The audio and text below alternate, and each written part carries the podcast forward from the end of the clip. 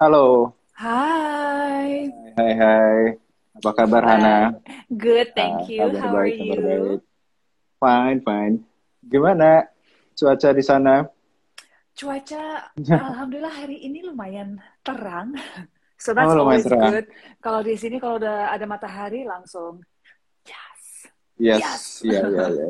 Gimana di sana? Eh, ya, khawatir hujan karena kalau hujan ini pasti berisik banget karena apa Iya. eh, atap ini kayaknya nanti mudah-mudahan nggak hujan tapi prediksi sih aman.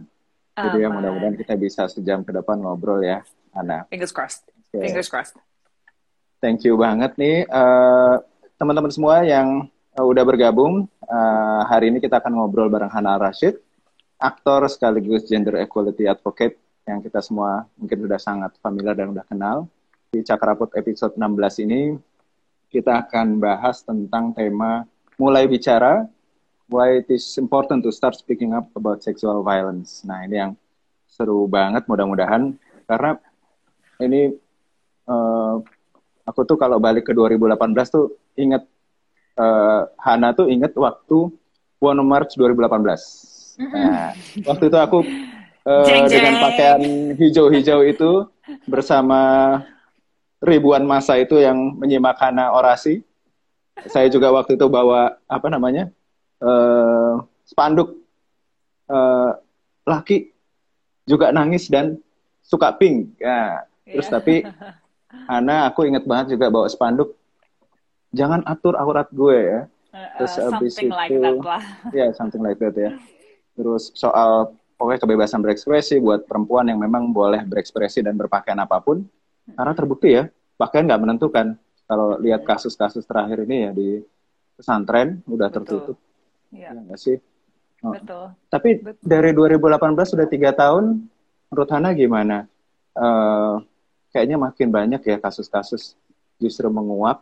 Apakah ini eh, sebenarnya fenomena gunung es yang kelihatannya eh, mulai terbuka karena kita juga mendorong begitu banyak ya orang untuk kemudian berani stand up dan speak up untuk apa yang dialami. Kalau menurut Hana gimana eh, selama tiga tahun ini sejak orasi di Monas itu sampai sekarang melihat apakah kita Iya. positif progresnya atau bagaimana?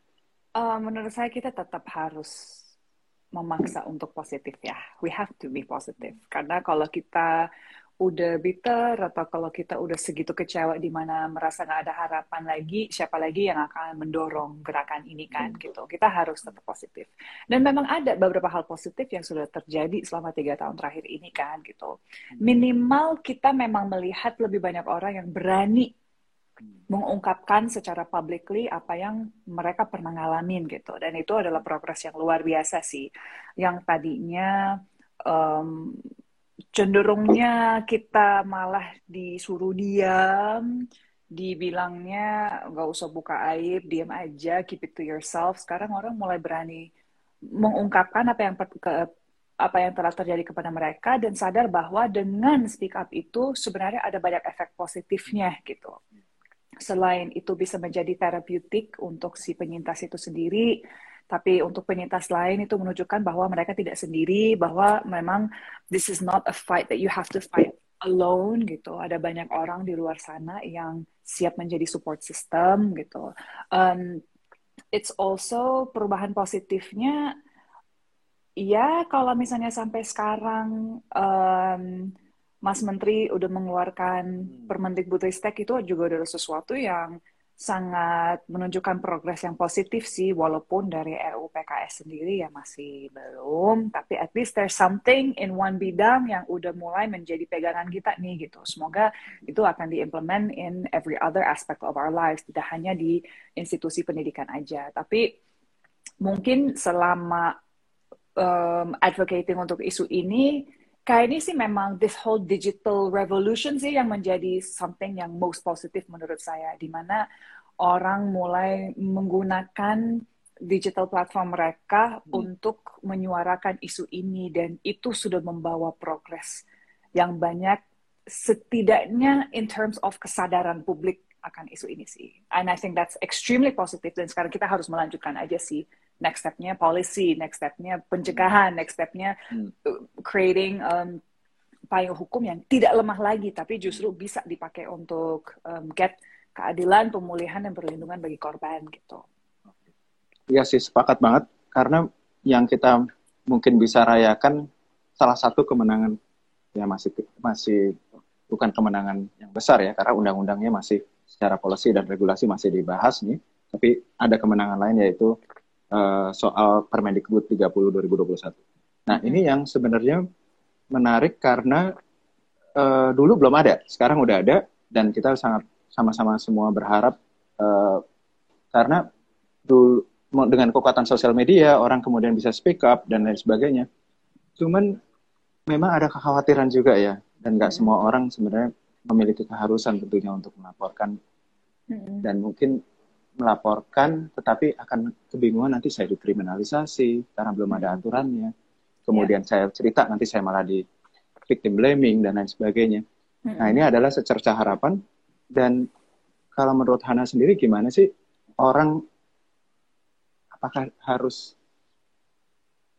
berani bicara atau bagaimana karena uh, eh, yeah.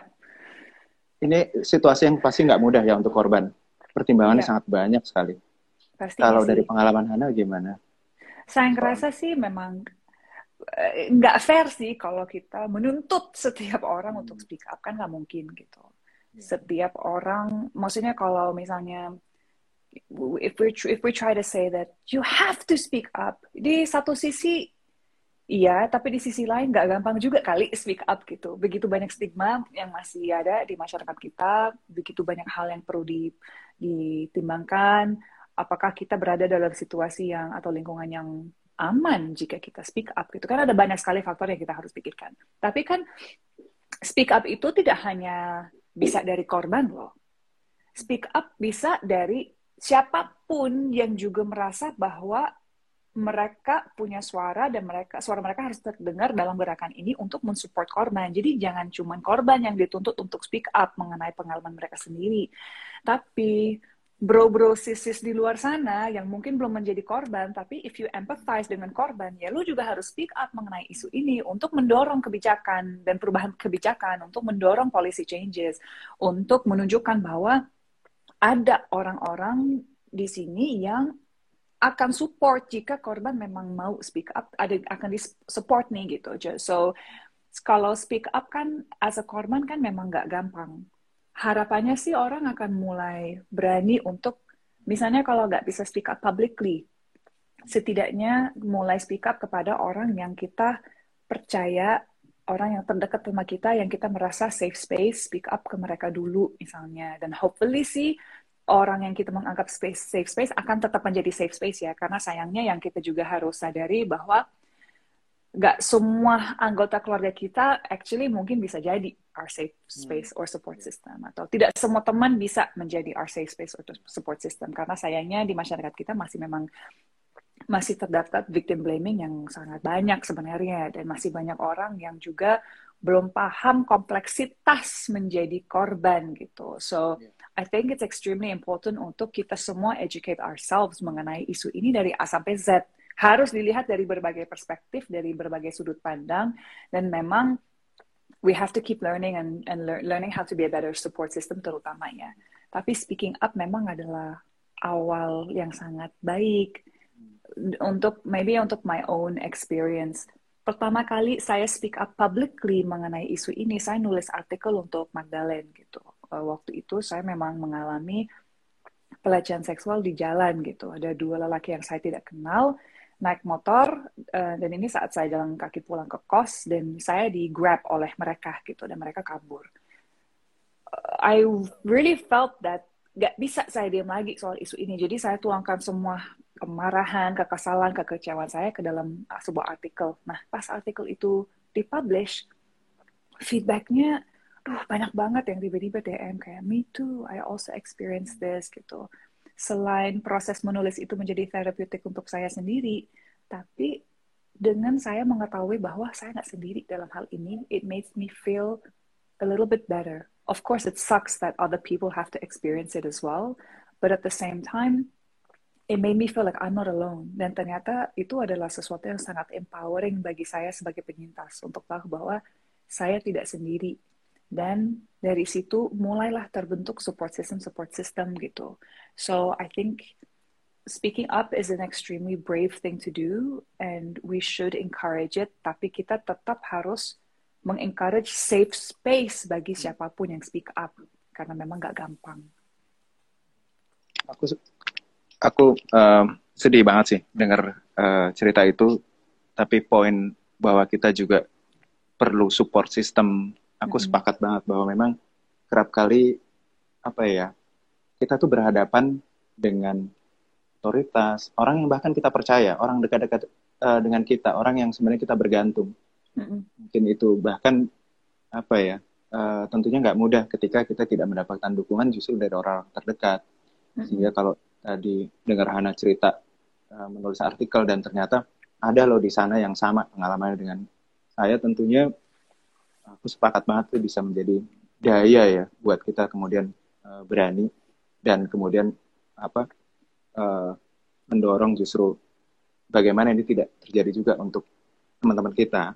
Mm-hmm. Tapi memang menciptakan safe space, support system, support system kerap kali hal yang kita harapkan ada di ruang terdekat ya, karena ya. Mm-hmm. Yeah. Bahkan kadang bahkan orang tua tuh kadang nggak menjadi support system kita gitu malah kita mungkin yeah. salahkan atau bahkan di beberapa kasus seperti di Luwu aku nggak kuat tuh bacanya yeah. karena orang tua sendiri kan yang melakukan ke yeah. ke ke anaknya nah kemudian juga dosen guru mm -hmm. yang orang-orang yang harus kita percaya dan segala macam itu justru uh, melakukan hal yang ya terus kepada siapa lagi kita mengadu kalau pada orang tua di sekolah ya itu yeah. guru dan mungkin juga dosen itu yeah. melakukan hal yang demikian aku pikir memang selain instrumen hukum support system safe space aku sepakat banget. Dan itu tentunya mendorong. Ya tapi di satu sisi juga uh, aku paham sekali bahwa uh, mendapatkan apa ya mengubah norma dan segala macam tentu nggak mudah ya.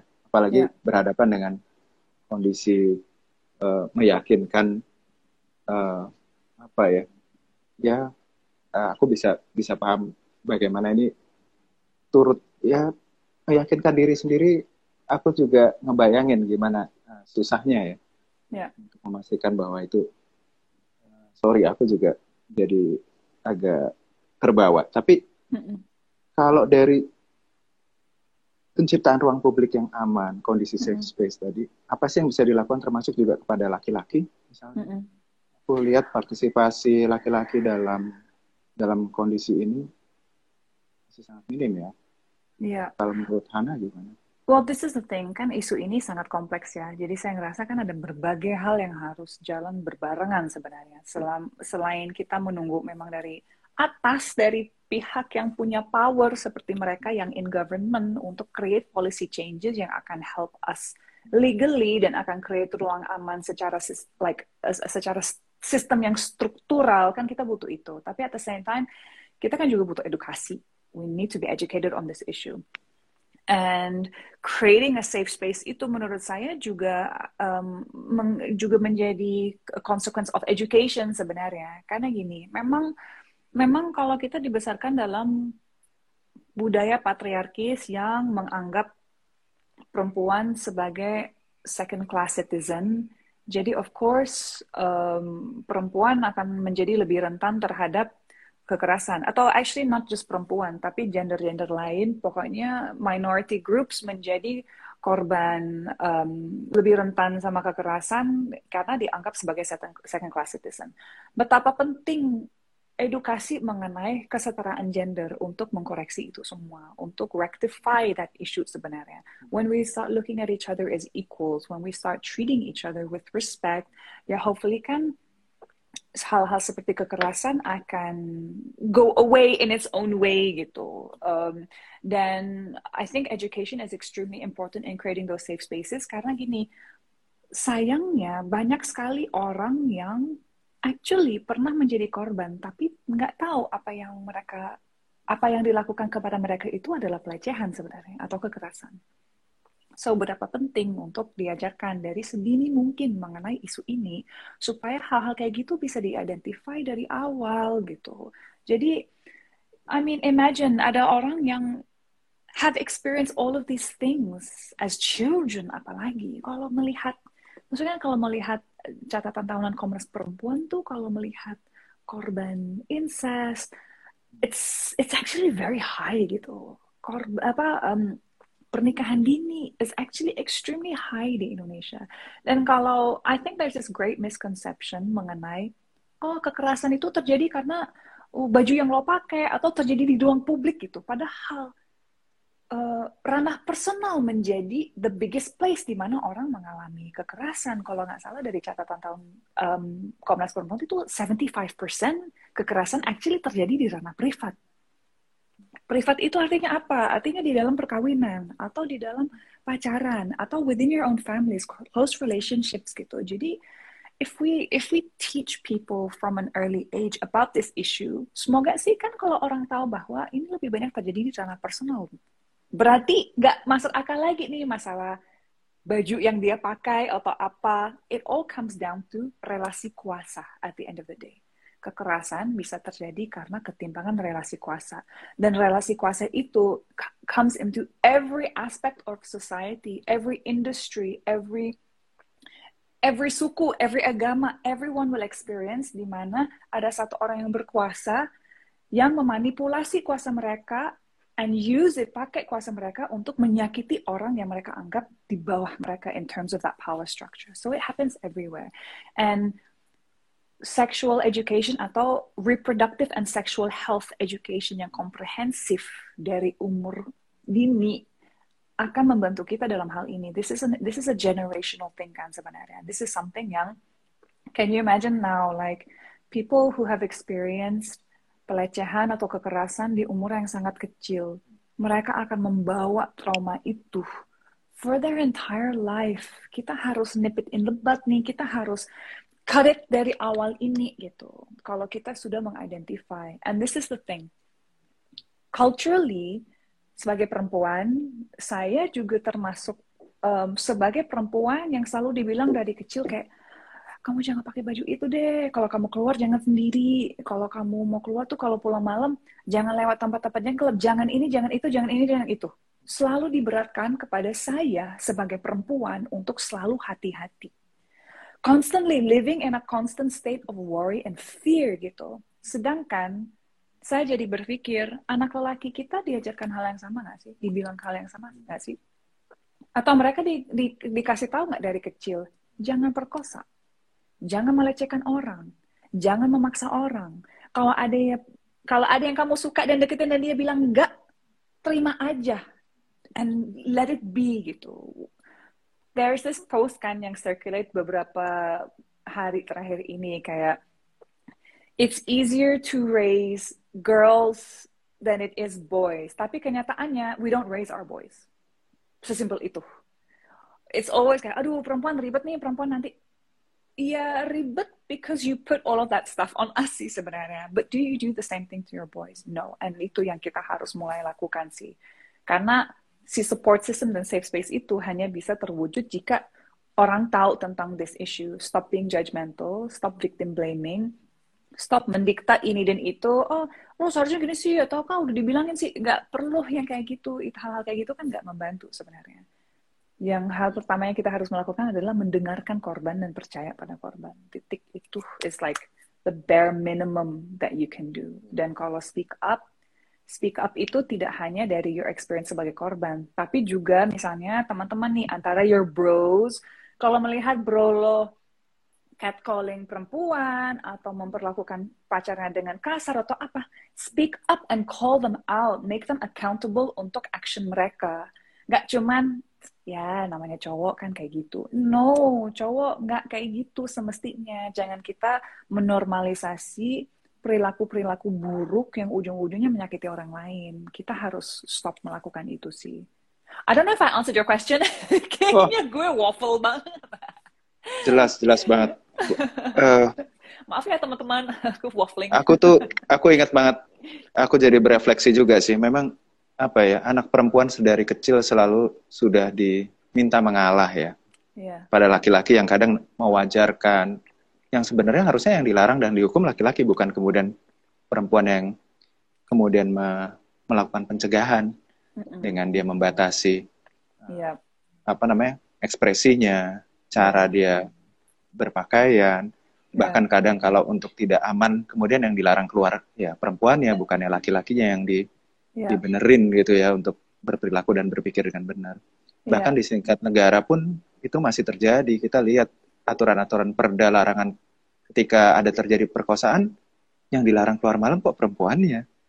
Kalau ada ada perkosaan di angkot di Depok saya pernah lihat karena pagi-pagi berangkat yang yang dilarang juga keluar malam ada jam malam dan ada perempuan justru tidak boleh beraktivitas suruh di rumah ya. aja ini dan itu ya? sesuatu ya? yang gue paling membuat gue paling jengkel karena kenapa hmm.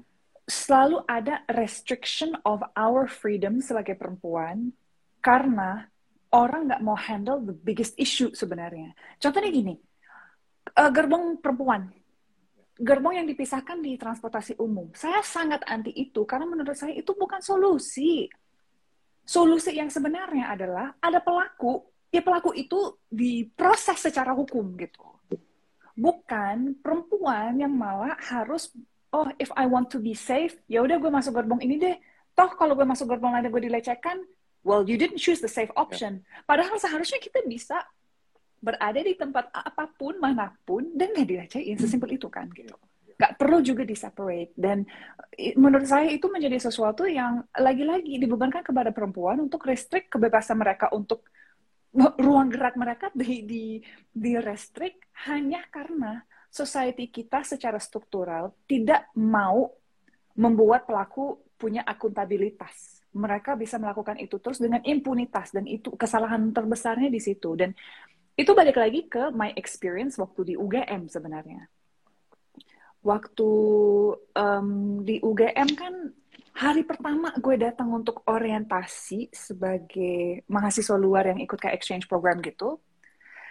Um, angkatan dari apa angkatan senior saya, angkatan di atas saya tuh kasih warning kok hati-hati ada si cowok ini. Semua orang tahu dia sebagai bule hunter karena dia suka mengincar cewek-cewek mahasiswa luar untuk dipacarin dan disakitin dan kadang juga curi barangnya atau apa gitu. Everyone knows hati-hati. Dalam otak gue kayak gila ya gue baru nyampe negara baru baru sampai di sini dan tiba-tiba I'm given this warning like that and then um, why is it that I have to be hati-hati? Kalau pada tahu ada predator seksual di luar sana kenapa orang itu nggak diurus dengan benar gitu? Kenapa dia nggak di, dikeluarkan dari kampus? Atau kenapa dia nggak diproses dengan peraturan yang ada to get rid of him? Bukan malah gue ini yang harus hati-hati. Tapi balik lagi, at that time 2006 mana ada peraturan kayak permen Dikbud gini kan. So hopefully dengan itu sekarang hal-hal kayak gitu kan bisa di diatasi gitu because melelahkan sekali selalu harus hidup yeah. dalam uh, keadaan waspada gitu capek banget. Yeah.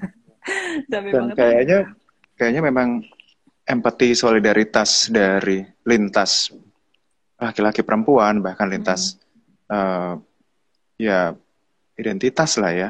Mm-hmm. Uh, ketika ada kejadian, harusnya memang orang yang speak up itu bukan hanya korban, tetapi orang-orang yeah. sekitar. Yeah. Termasuk tadi ya, yang soal di kereta aku sebagai orang yang memang commuting, mm-hmm. uh, sering kali memang melihat bahwa kita harus yang tem- yang melihat, yang menyaksikan ketika ada perempuan merasa risih, ya harus bahkan berani Maju. hilang. Yeah. Uh-uh. Yeah. Dan itu yang kadang ya aku nggak tahu ya, Nah memang apa ya budaya pemaksaan budaya perkosaan itu memang tumbuh dari pembiaran yang memang bahkan diwajarkan tadi. Aku juga yeah. ngelihat juga aku setuju bahwa bukan hanya di UGM, mm -mm. di UI dan di kampus-kampus lain aku pikir juga sama bahwa yeah. ada yang kemudian diminta mengerti itu mahasiswa yeah. dan ini karena relasi kuasa lagi-lagi ya. Dan yeah. ini juga aku sepakat bahwa ini yang harusnya semua orang speak up itu bukan hanya korban tentunya. Exactly. Tapi exactly. juga membangun support system, ya orang-orang yang membantu bersolidaritas itu juga ikut merasakan dan ikut speak up. Iya. Aku sepakat banget itu sih. Karena ini loh, maksudnya gini, banyak banget, mungkin juga laki-laki yang lagi dengerin ini, merasa tersinggung juga kan gitu. Karena kan we talk about lelaki dan perempuan. We only talk about it karena memang sayangnya mayoritas pelaku memang adalah lelaki dan mayoritas korban adalah perempuan. Ter of course kita nggak bisa make that kind of generalization karena banyak sekali lelaki di luar sana yang baik yang nggak yang nggak nyakitin siapa pun, yang nggak lecehkan siapa pun dan justru menjadi sekutu untuk kita. Jadi pesan saya untuk laki-laki itu ada minoritas laki-laki buruk yang making you look bad jadi tugas lo juga untuk call them out gitu. Kalau enggak, ya memang people will make that generalization gitu. So they're making you look bad. Do something about it gitu. Kayak capek sih, capek. Yeah.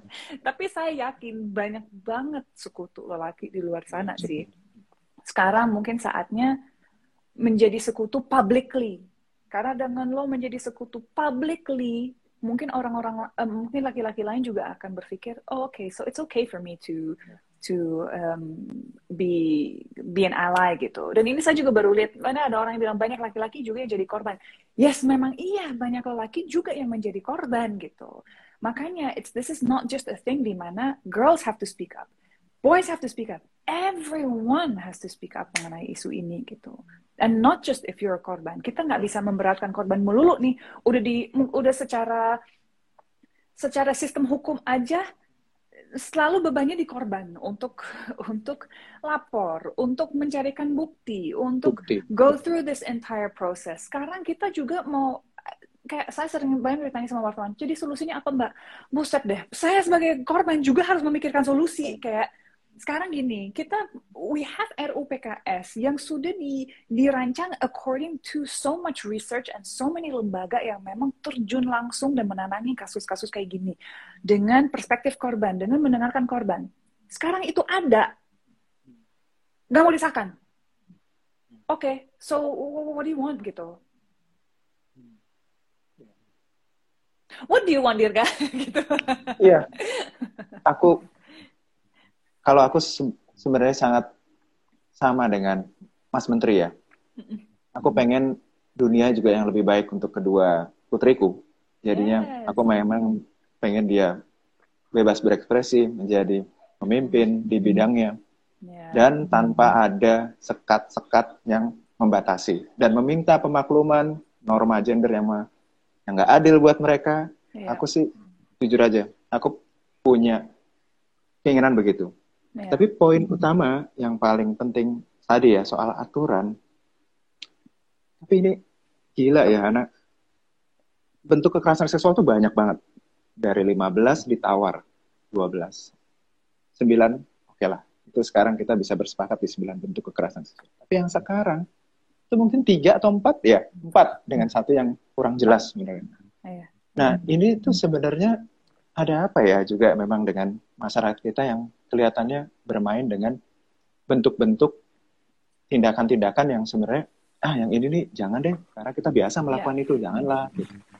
Yeah. Nah ini yang ya aku juga pikirnya ya sebatas sampai orang kemudian seksis jokes aja buat aku tuh udah problematik harusnya kan mm -hmm. itu juga sesuatu yang sesuatu yang ya sampai se se uh, kita harus berani gitu untuk mengatakan bahwa memang ini nggak pak ini harus dirubah ini harus berubah dan segala macam hmm. kalau nggak ada sanksi ya nggak mungkin orang berubah yeah. aku sih kalau ditanya apa yang aku harapkan ya tentunya kita mulai dulu dari Permendikbud ya Permendikbud iya. mudah-mudahan yeah. ini nggak lagi masih berdebat soal konsen dan uh, frase konsen ya seolah-olah yeah. uh, orang tuh ya dalam segala aspek kan kita harus menyatakan konsen. Aku sih pikir This is an interesting thing karena kan. Satu orang yang menjadi panutanku adalah Kalis Mardiasi dan Kalis oh. beberapa minggu lalu kan posting mengenai konsen ini mengenai um, persetujuan gitu. Dan ada satu poin yang sangat menarik sih dari Kalis. Kita paham betul loh konsen dalam hal-hal lain. Saya tidak konsen untuk tas saya diambil. Berarti itu kan adalah pencurian, itu theft saya tidak konsen untuk tanda tangan saya dipakai untuk menandatangani dokumen. Ya, berarti when it happens itu adalah pemalsuan, ya kan? Ya. Kenapa? Begitu kita bicarakan konsen dalam isu kekerasan seksual, tiba-tiba semuanya goes out of, everyone goes freaking crazy gitu. Kalau kita mau membahas zina, zina kan udah diatur dalam KUHP gitu. Itu memang udah diatur gitu. But you cannot use this false logic mulu. You cannot politicize this issue terus untuk untuk prevent this issue untuk untuk finally having its spotlight gitu. Karena selama pihak-pihak itu menggunakan false logic melulu, korban, jutaan korban tetap suffer. Tetap suffer, tetap nggak dapat keadilan, tetap nggak dapat pemulihan, nggak dapat perlindungan, selama lo masih ribut mengenai false-false logic yang nggak jelas itu. Ya. All of these people who need this so desperately tetap berkorban dan berkorban lagi dan lagi dan lagi. So menurut saya memang ini sayangnya adalah isu yang sudah dipolitisasi dan sudah digunakan oleh pihak-pihak far right untuk their own agenda dan menurut saya mereka anti karena mereka ingin melanggengkan status quo yang ada karena mereka justru benefit dari status quo yeah. yang ada dan itu jahat banget. Hmm. Itu jahat banget sih. Karena solusinya apa dari mereka juga? Nggak ada. Yeah, Solusi yeah. yang ada is goes against all the research and all the all the experts who actually deal with this nggak didengerin.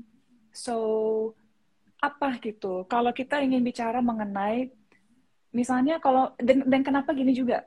Uh, this issue has to be looked at free from any religion karena it can happen in any religion.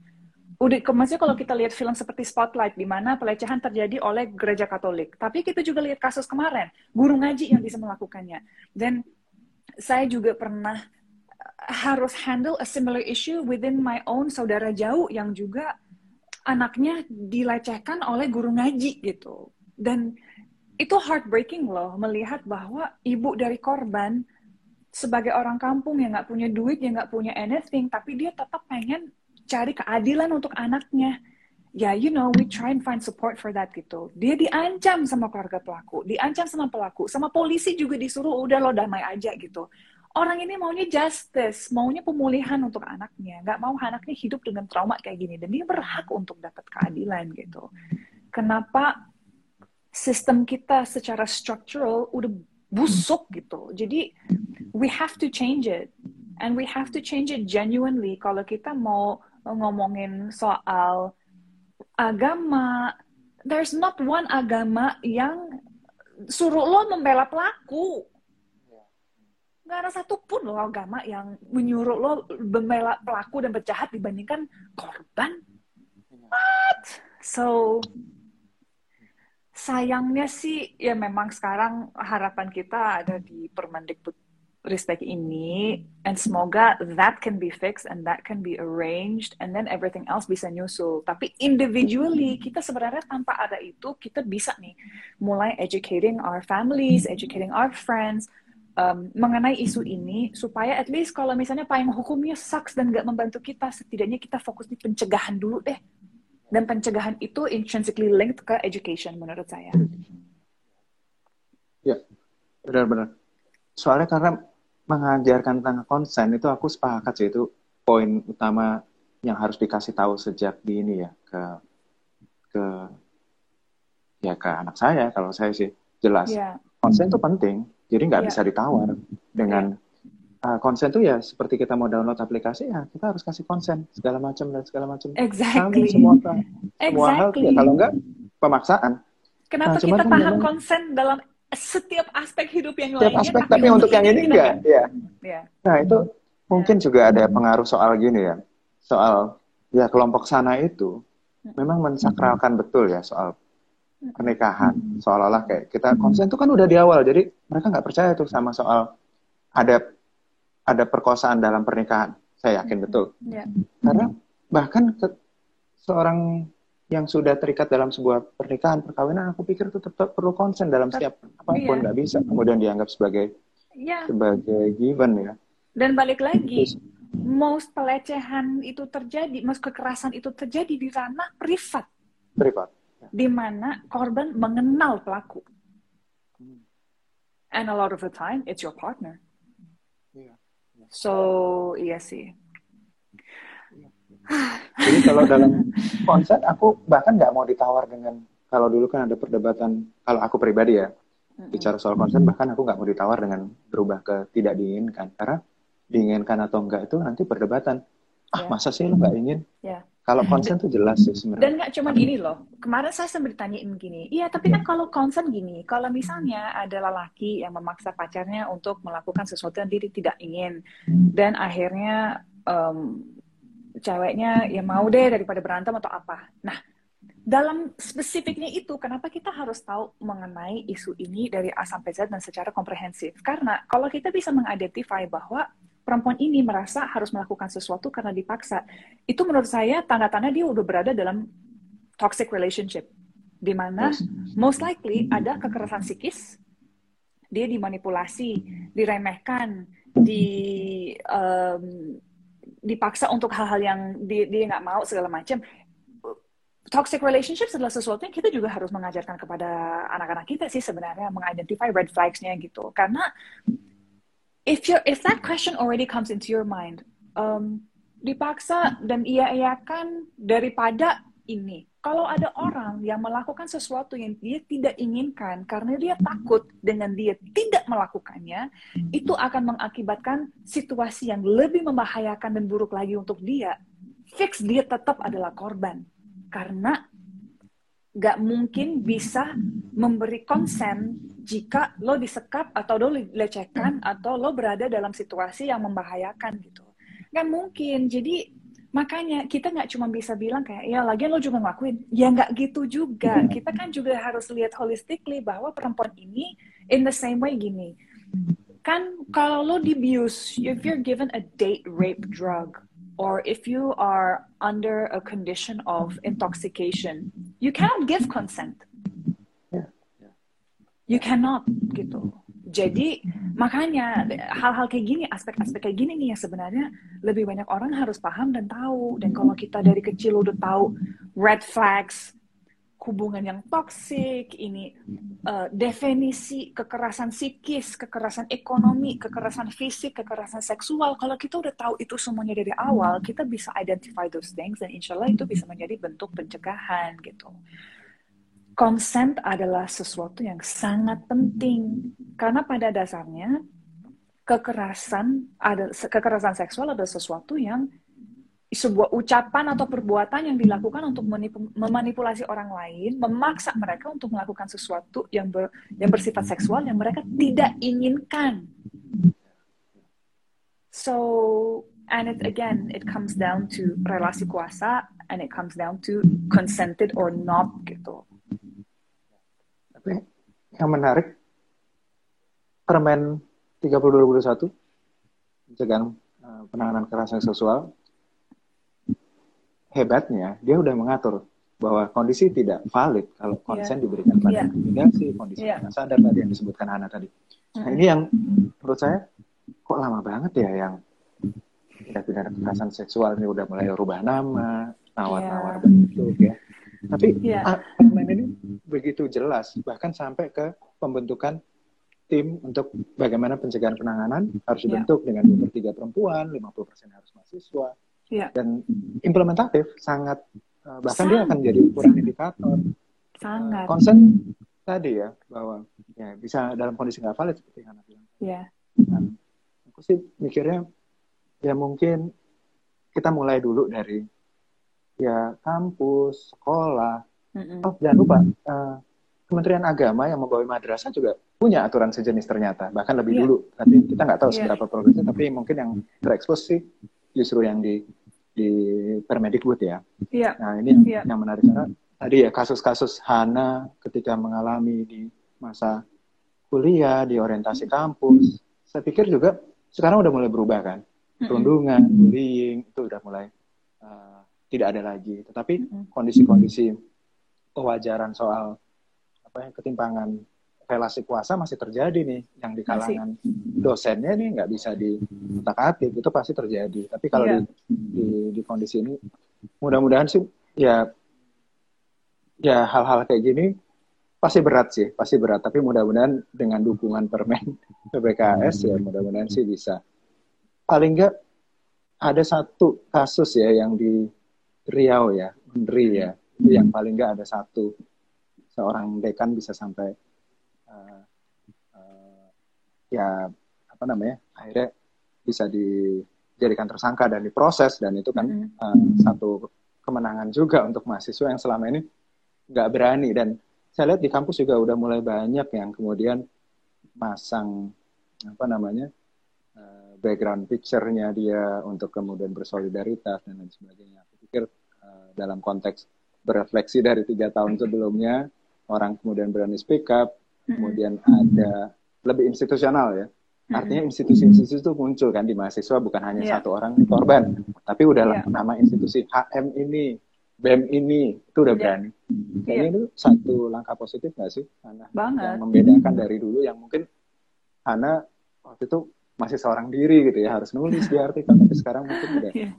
salurannya banyak. Kalau sosial media membantu nggak sih, Hana? Menurut dalam saya, sosial media membantu, tapi kita juga harus bijak dalam cara kita menggunakannya kan gitu. Masalahnya kan kalau di Indonesia tuh the threat of UU ITE menjadi sesuatu yang sangat-sangat mengancam yeah, yeah. kebebasan kita berekspresi kan. Oh, nggak cuma berekspresi, kebebasan kita untuk mengungkapkan hal-hal kayak gini gitu. Jadi makanya kalau uh, saya punya naskah akademik RUU PKS yang dari 2017 gitu, dibacanya tuh kayak lengkap banget, komprehensif banget. Di dalam memang mengatur soal perlindungan bagi korban supaya dia memang tidak bisa dikriminalisasi balik kalau dia speak up mengenai hal-hal kayak gini gitu. Dan itu kan penting apalagi melihat pasal karet seperti yang ada di dalam UU ITE ini kan gitu. So social media is a good thing especially sekarang. Kalau kita lihat bahwa sekarang cenderungnya viral dulu viral dulu baru diproses kan gitu. Jadi viral dulu itu ya memang tergantung pada sosmed and what people can do to make something become aware to the public gitu. Cuman kan semestinya nggak perlu viral dulu untuk diproses ya nggak sih hmm. gitu. So there's a good thing about social media tapi kita juga harus wise dalam kita juga harus wise dalam menggunakannya gitu. Ya misalnya kayak eh, nama korban, identitas korban ya nggak perlu hmm. kita kesebar ke mana-mana hmm. gitu, hal-hal kayak gitu. Apalagi kalau ada korban di bawah umur yang kadang hmm. fotonya, semua informationnya dikasih lihat hal-hal kayak gitu kan sangat no, sangat not cool gitu. Ada etiketnya juga dan harapannya sih memang dari media juga lebih banyak yang bijak dalam cara mereka reporting mengenai isu hmm. ini. Karena sayangnya kadang media juga yang melakukan bad thing seperti itu. Malah identitas pelaku disembunyikan tapi identitas korban hmm. dikasih iya, iya. tahu ke semua orang gitu. So it's yeah we still have a lot to learn but I think social media sekarang menjadi tool yang sangat penting sih. Apalagi karena I think this whole idea of speaking publicly di hmm. social media, viral ini segala macam, itu adalah akibat kosongnya payung hukum sebenarnya. Yeah, yeah.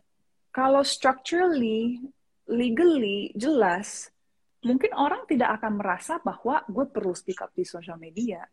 Toh, hmm. I can just deal with it privately and through the legal system. Masalahnya kan sekarang kenyataannya kita nggak bisa melakukan itu. Jadi channel kita hmm. apalagi nih untuk bring awareness to this issue. Ya mau nggak mau social media kan. Iya, iya, iya. Hana ini nggak terasa udah tinggal 15 menit aku diingetin oh, iya. ada pertanyaan udah menanti banyak aku udah mendominasi oh, okay, okay, okay. diskusi dan ke, ke apa uh, aku diingetin ini ada pertanyaan udah mulai banyak yang pertama okay. uh, dari Bunda Syarifan uh, kekerasan dan pelecehan berbeda bagi tiap orang. Ada ada uh, perempuan yang nggak nyaman ketika jalan dipanggil Hai cantik, ada yang biasa, ada yang malah suka, mungkin dipanggil uh, saya nggak yakin sih ada yang suka itu. Uh, hmm. Tapi oke okay lah. Ada mami-mami yang biasa aja ketika di luar, tapi digoda cowok muda, ada yang biasa aja. Minta tanggapan. Nah, apakah ini kayaknya soal standar ganda? Mungkin um, saya ngerasa hmm. standar ganda sih enggak ya. Saya ngerasa memang standarnya ada hmm. sebenarnya gitu. Tapi memang yeah. kenyamanan orang kan beda-beda gitu. Yeah. Kalau pelecehan verbal seperti catcalling itu ya memang tetap pelecehan. Diterimanya at what level of inconvenience kan memang beda-beda untuk setiap orang. Tapi kita harus hmm. melihat ini. Fundamentally, sopan nggak sih untuk teriakin orang dari pinggir jalan? Hmm. Sopan atau enggak? Diminta atau enggak, dikonsen atau enggak, ganggu atau enggak, you know what I mean? Hmm. So it's like ada kan ada kan suka ada hmm. beberapa cowok yang bilang, aduh kalau saya mau komplimen cewek sekarang susah ya nggak bisa. Sebenarnya bisa, it's not an issue. Hmm. Tapi lihat gini, hmm. sangat ada perbedaan antara lo memang kenalan sama perempuan, you establish a, a, a relationship, relationship nggak yeah. harus pacaran ya, tapi setidaknya yes. berteman atau even kan kalau baru kenal tapi ngobrol di lingkungan yang aman, dengan hmm. respect, hmm. dengan kesetaraan, ya. di, dibangun itu dan kalau kemudian kamu komplimen dan bilang kamu cantik deh, saya yakin itu akan jauh lebih diterima kalau hmm. basis ini udah ada hmm. dulu dibandingkan lo tuh yakin cewek cantik dari pinggir jalan.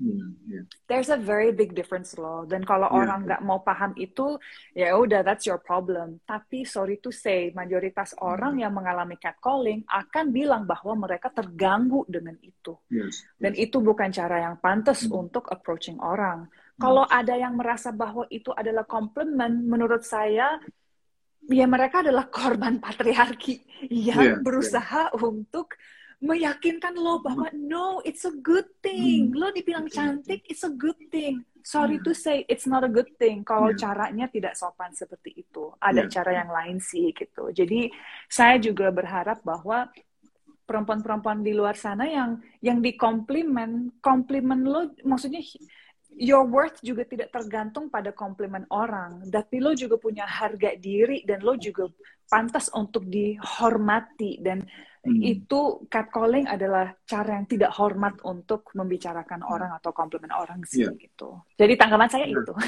Iya. Udah udah kelakuan Nora kayak gitu biasanya rame-rame lagi dan ini mm -mm. hal yang sebenarnya mungkin juga tadi ya justru poin penting dari Hana adalah approach antara laki-laki ke perempuan ketika ada hal yang misalnya bisa jadi common interest, kemudian diskusi mm -hmm. dengan lebih setara tadi ya. Mungkin ini adalah ya buat saya juga, buat seluruh laki-laki di luar sana, catcalling yeah. itu sangat tidak nggak, okay. nggak banget lah. Enggak nah istilahnya artinya uh, noted cowok-cowok di luar sana tips yeah. dari Hana justru enggak eh, enggak cuma cowok-cowok loh even kan cewek hmm. berkomentarin badan lelaki kayak pernah terjadi kayak atlet badminton atau apa oh, yeah, yeah, yeah. itu yeah. juga not okay that's not okay yes, untuk yes. mengkomentari tubuh siapa pun it's not okay hmm. gitu jadi yeah. ini nggak cuma untuk laki aja sih untuk perempuan juga karena kan yeah. perempuan juga bisa menjadi pelaku so it's yeah. for everyone oke okay. noted uh, Hana thank you banget buat jawabannya uh, ini ada lagi. Uh, saat ini banyak orang memilih untuk speak up di media sosial seperti Twitter dibandingkan melapor ke polisi. Mm -hmm. Nah, hal ini dilakukan karena ya masyarakat tidak percaya kalau polisi bisa menyelesaikan masalah dan merespon dengan baik, menanggapi dengan baik ya. Nah, apakah speak up speak up di media sosial bisa dikatakan sebagai keadilan alternatif? Artinya mungkin so. Hana dengan, dengan pengalamannya dengan menulis di artikel apa yang mendasari waktu itu ya sosial media juga mungkin dulu masih belum ramai tapi di di Magdalena yeah, kalau nggak salah. I think memang memang itu menjadi alternative way of dealing with it kan gitu. Yeah, alternative yeah. way untuk untuk feel some sort of justice hmm. gitu. Hmm. Ya gitu dan itu kan semuanya terjadi karena uh, payung hukum lemah, tapi juga hmm. sayangnya hmm. karena penegak hukum saat ini hmm. there's a big level of distrust terhadap mereka kan. Maksudnya kan hmm.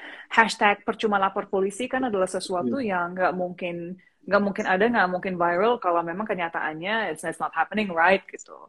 Dan nggak cuma untuk isu pelecehan seksual ini, tapi kan untuk isu-isu yang lainnya juga gitu. Yeah. Nah, kalau saya jadi bagian dari pihak berwenang ini, yeah. I would really take a hard think about masalah struktural yang ada dalam institusi saya sampai masyarakat tidak percaya lagi pada saya gitu. Butuh lagi training, especially untuk penanganan isu kekerasan butuh training yang sangat spesifik dan di negara-negara lain itu sebenarnya ada training yang sangat spesifik untuk penanganan this kind of stuff.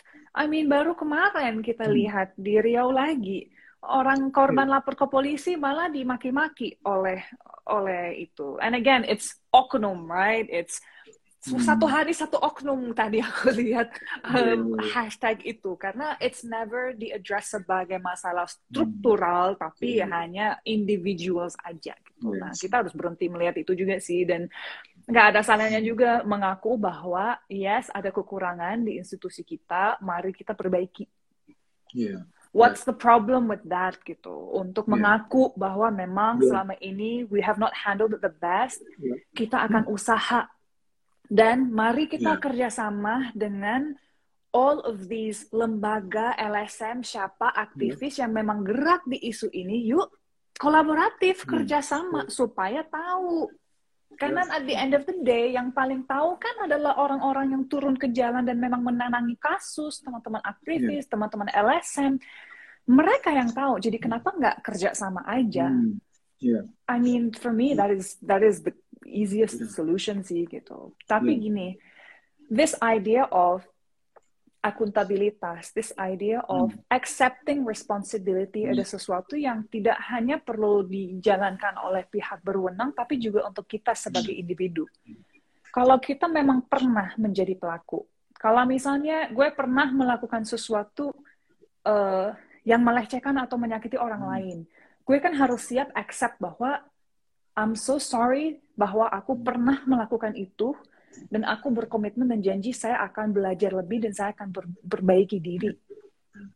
There's nothing wrong with that gitu. Yeah. Kita hmm. nggak semestinya punya ego dan pride segitu tinggi hmm. sampai kita nggak bisa mengaku salah dan ingin perbaiki. And this is the thing with cancel yeah. culture juga kan yang hmm. kadang tuh gue nggak nggak setuju juga dengan cancel culture. Udah kita coret hmm. aja nih orang gitu karena kita selalu harus memberi ruang untuk orang accountable, take responsibility, hmm. and do better. Hmm.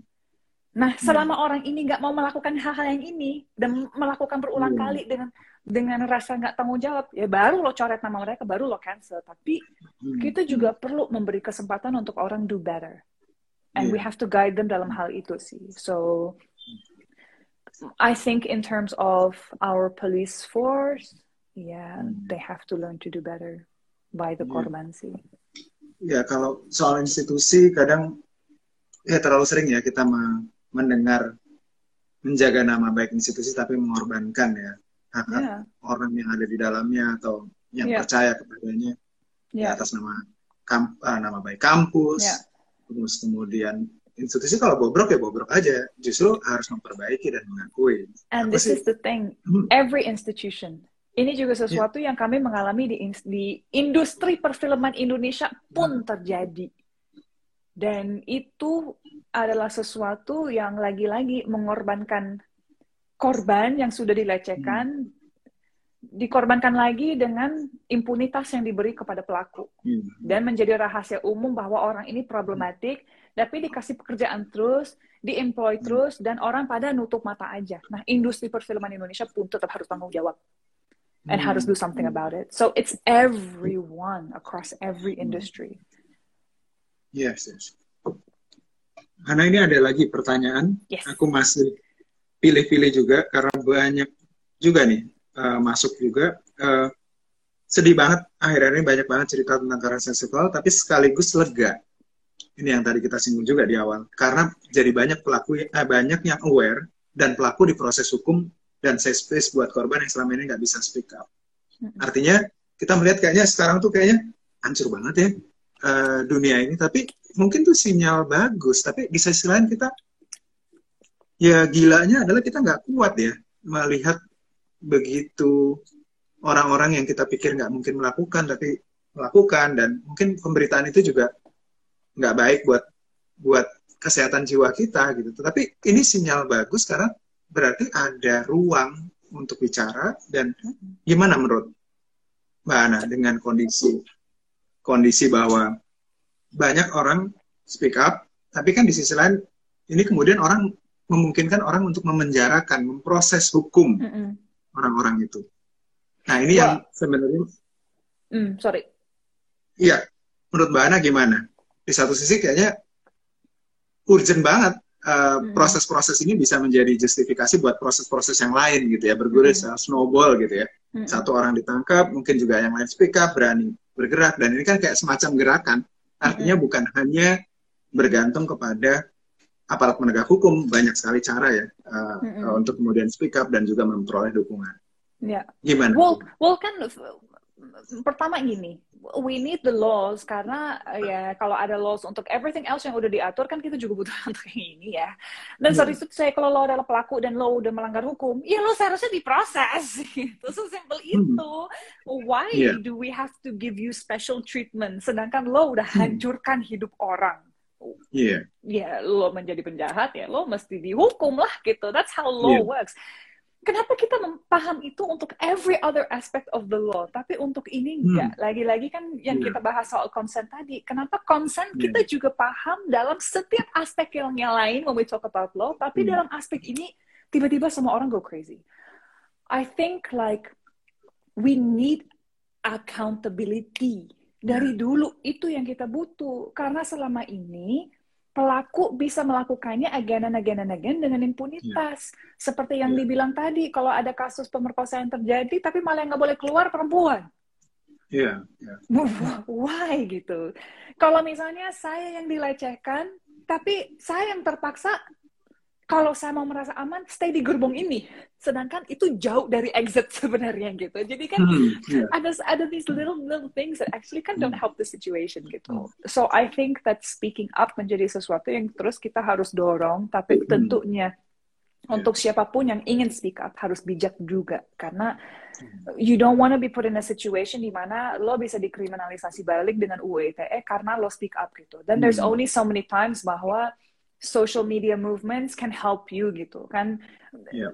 maksudnya gini berkat bantuan dari teman-teman aktivis and civil society yang sign a petition untuk Ibu Baik Nuril juga akhirnya diberi uh, amnesty kan gitu tapi kan this is the thing we shouldn't have to do that every single hmm. time mm. yeah masa setiap kali ada kasus harus viral dulu untuk diproses? Yeah, yeah, yeah. Kan nggak gitu juga. Tapi yang kita sekarang bisa lakukan adalah terus educating ourselves tentang isu hmm. ini. Dan banyak sekali loh account-account yang bisa di-follow.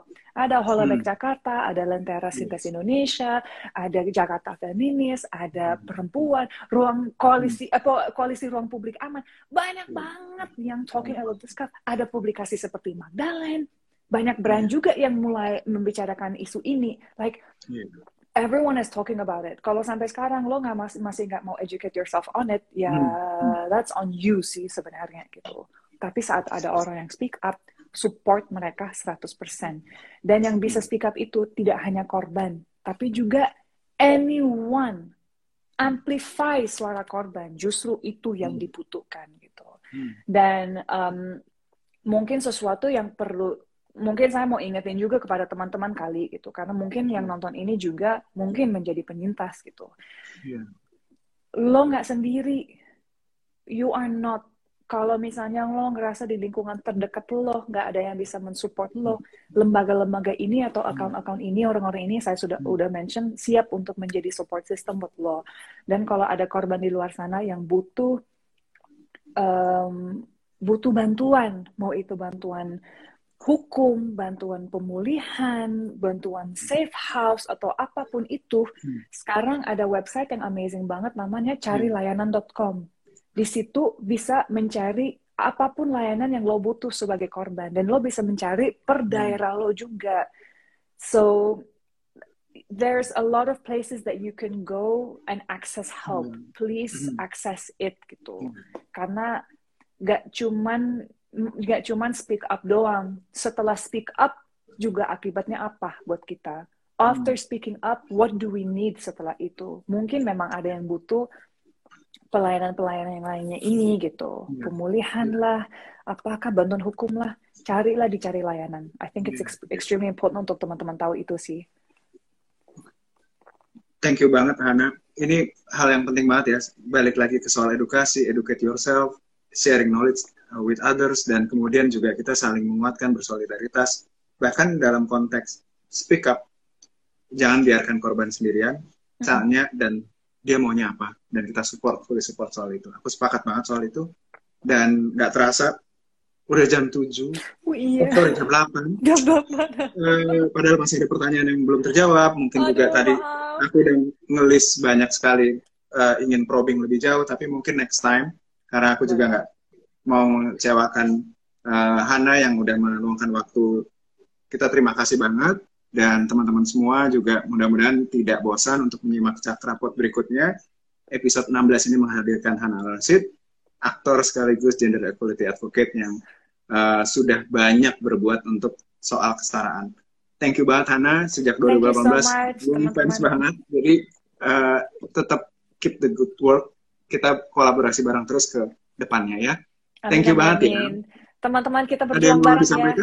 Hmm? Itu pokoknya kita berjuang bareng dan okay. ini adalah effort yang kolektif dan suara kolektif yang harus didengar. Jadi please dukung terus dan uh, lagi-lagi kalau ada yang butuh hmm. bantuan, please cek carilayanan.com. Di sana hmm. you will hmm. find a lot of help gitu. Dan yang penting teman-teman sehat terus dan hopefully bisa ketemu di podcast berikut mungkin. Oke, okay, thank you banget. Uh, sehat-sehat ya Hana. Thank you so Oke, okay, kita sampai ketemu lagi. Bye. Oke. Okay. Thank you so much. Thank you.